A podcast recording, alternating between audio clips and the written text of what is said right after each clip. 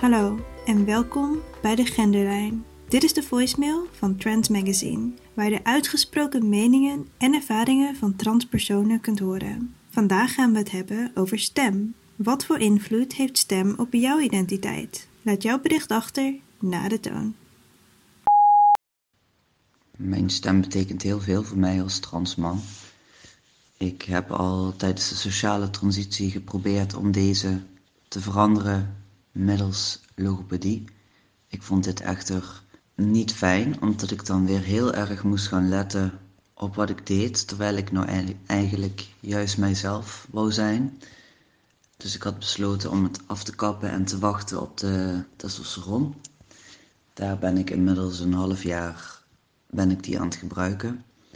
En eigenlijk had ik het geluk dat al na enkele maanden, misschien al na twee, dat mijn stem al zo behoorlijk gezakt was dat het eigenlijk al niet meer misging aan de telefoon. Dit betekent echt heel erg veel voor mij, omdat ik best wel behoorlijke stemdysforie had. Dus dit geeft mij echt euforie dat die nu lekker laag is. En ik hoop natuurlijk dat die nog veel meer zakt de, de komende periode. Dus dat is mijn take op de stem. Volgende bericht. Mijn hormoontherapie is echt goed aangeslagen tijdens corona. Dus mijn stem is in een paar maanden tijd behoorlijk gedaald. Ehm, dat zorgt vooral voor rare situaties. Nu als ik met mensen praat die ik al een tijdje niet gesproken heb, dan moeten ze vaak echt even wennen aan mijn nieuwe stem. Ehm, ik moet er zelf ook best wel aan wennen. Ik kan bijvoorbeeld niet meer meezingen met de liedjes die ik eerst met gemak kon halen.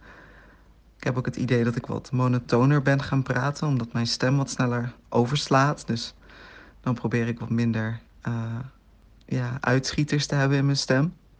Ik kreeg voordat ik met hormonen begon ook best wel dysforie van mijn stem. En dat is echt helemaal weg nu.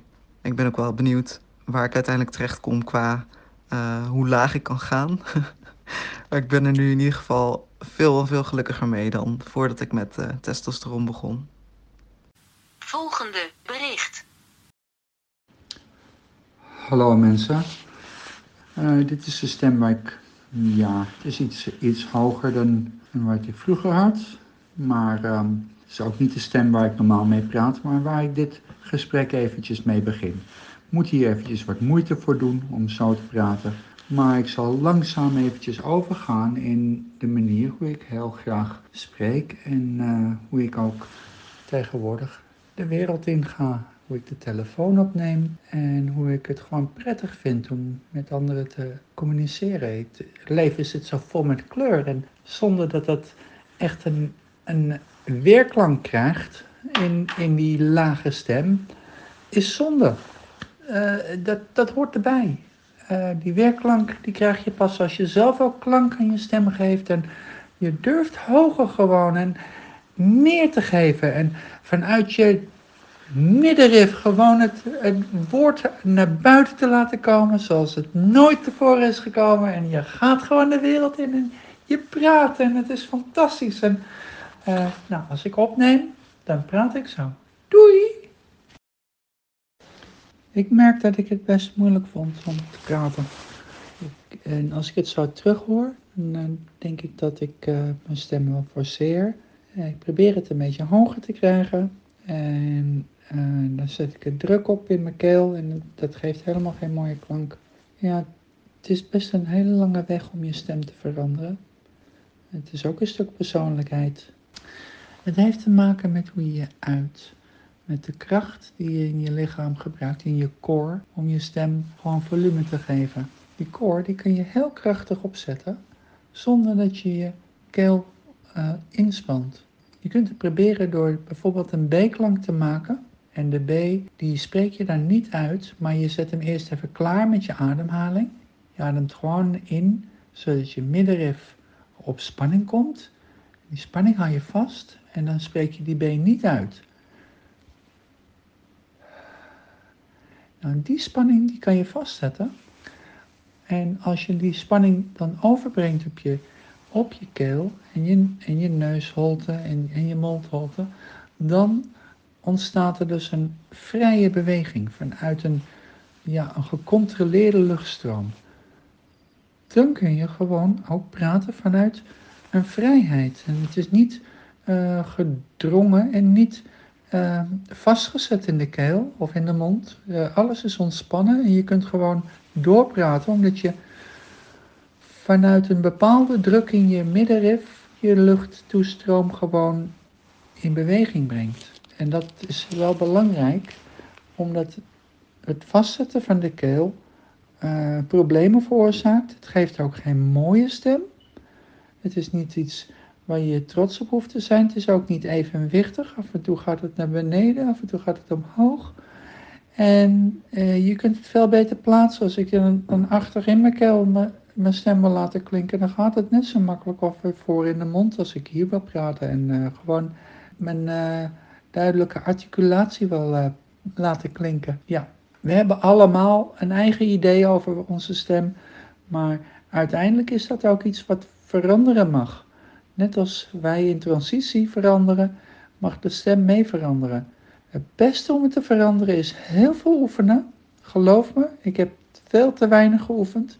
En ik merk dat nu ik aan het oefenen sla, dat al die techniek en eh, de kennis eronder, dat dat een plek krijgt. Dus de oefeningen horen er zeker bij. Doe je best. Luister goed naar je logopedist. En uh, ja, kijk veel op uh, YouTube, want er is heel veel hulp. Er is heel veel hulp, bijvoorbeeld van Trans Voice Lessons. Ehm, er zijn verschillende stemcoaches. En dat moet je gewoon gaan volgen. Maar je moet vooral, vooral, vooral oefenen, oefenen, oefenen, oefenen, oefenen. En dan komt het goed. Volgende bericht. Wat betekent mijn stem voor mij? Um, voor mij was mijn stem wel echt een onderdeel van het um, voor mezelf ook bevestigen van mijn genderidentiteit als transman. Het starten met testosteron. Toen gebeurde er eigenlijk nog niet zo heel erg veel en het heeft best wel een tijd geduurd voordat die zakte. Um, waar ik toen ook best wel mee heb gezeten, omdat dat gewoon een van de dingen was waarvan ik gewoon heel graag wilde dat het zou gaan gebeuren. En een van de dingen waar ik echt heel erg naar uitkeek. En um, mijn geluk is geweest dat toen die eenmaal begon te zakken, mijn stem ook echt gewoon binnen één week, zonder iets van overslaan of iets, volledig gezakt is. Um, waarna die ook wat, nog wel wat volwassener is geworden. Maar sindsdien ga ik ook wel echt met, um, ja, toch met meer zelfvertrouwen ook over straat en zo. Omdat ik voor het veranderen van mijn stem wel echt nog vaak misgenderd werd. Dus het bepaalt niet per se mijn identiteit, maar het was wel een soort van bevestiging ervan. Um, ook naar de buitenwereld toe. En een soort van veiligheid om niet meer misgenderd te worden, of in ieder geval minder misgenderd te worden. Um, dus mijn stem is eigenlijk vanaf het begin af aan best wel belangrijk geweest voor mij. Volgende bericht.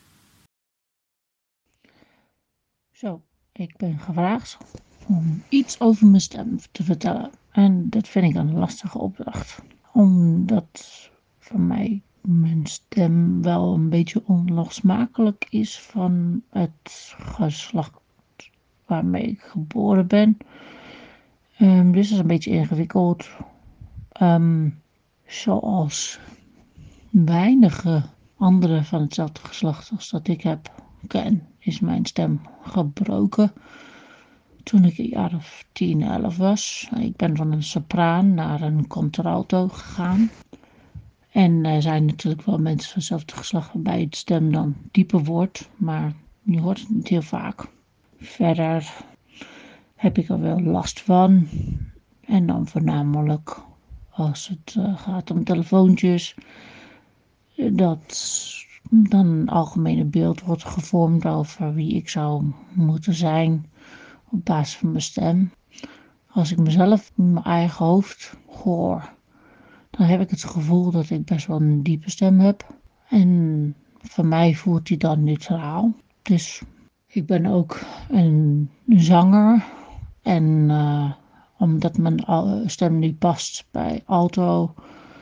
Ik heb um, eigenlijk alles wat de alt rollen en ook zelfs kon countertenor rollen gezongen en solo's gezongen in mijn verleden.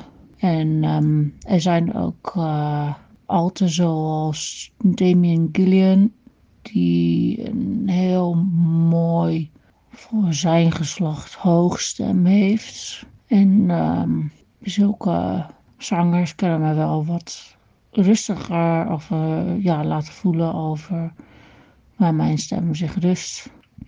En ook een reden voor mij ook geen hormonen te willen volgen, heeft ook te maken met dat ik mijn stem op, als ik zing ook heel erg fijn vind en heel erg gewend ben. En ik hoef dat uh, niet zo nodig te laten veranderen. Goed, ik denk dat het was een beetje. Volgende bericht. Goedemorgen, Transmagazine. Het is wel grappig om over stem te praten met jouw eigen stem. Vooral als je daar niet heel erg blij mee bent of struggle. Ik heb heel duidelijk besloten om geen uh, hormonen te nemen. En daarom blijft mijn stem zoals die is. Voor nu. En dat is een, ja, dat is een elke keer een vraagstuk. Elke keer aan een telefoon met iemand. Word je misgenderd. Uh, elke keer in de winkel moet je iets zeggen. Ja, dan wordt het dadelijk voor die mensen in welke gokje je past. Wil ik iets mee doen? Ik wil misschien proberen nog met logopedist te, werken. Maar ja, dat blijft gewoon een vraagstuk. Hoeveel tijd en energie wil je daar nog in stoppen? Of gewoon vrede mee zijn dat ik ben wie ik ben en ik word mij de rest van mijn leven word ik sowieso misgenderd. Ik ben blij met mijn lichaam nu en dat is eigenlijk dat was de belangrijkste stap. Dus ja, stem bleef een vraagstuk. Fijne dag verder. Volgende bericht. So, I think voice for me as a trans person is something that's really complicated um, because I feel like voice is so much a part of how people perceive you and how you present yourself. And sometimes I really love my voice, but it's also one of the uh, biggest sources of dysphoria for me.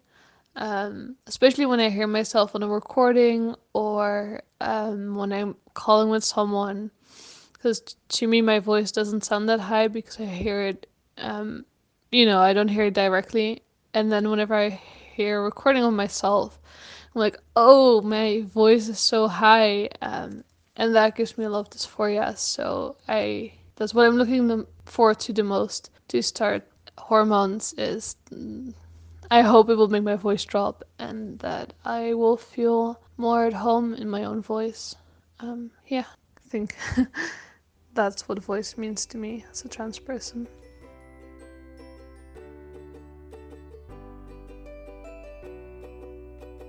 Bedankt voor het luisteren naar de eerste aflevering van de Genderlijn. Wil jij ook jouw stem laten horen? Dat kan. Ons volgende thema is sport. De sportwereld is ingericht volgens een streng binaire man-vrouw verdeling. Wat is jouw mening hierover? En hoe ervaar jij dit als transpersoon? Stuur ons een spraakbericht op WhatsApp of laat een voicemail achter op het nummer 06 83 66 45 54. Tot dan!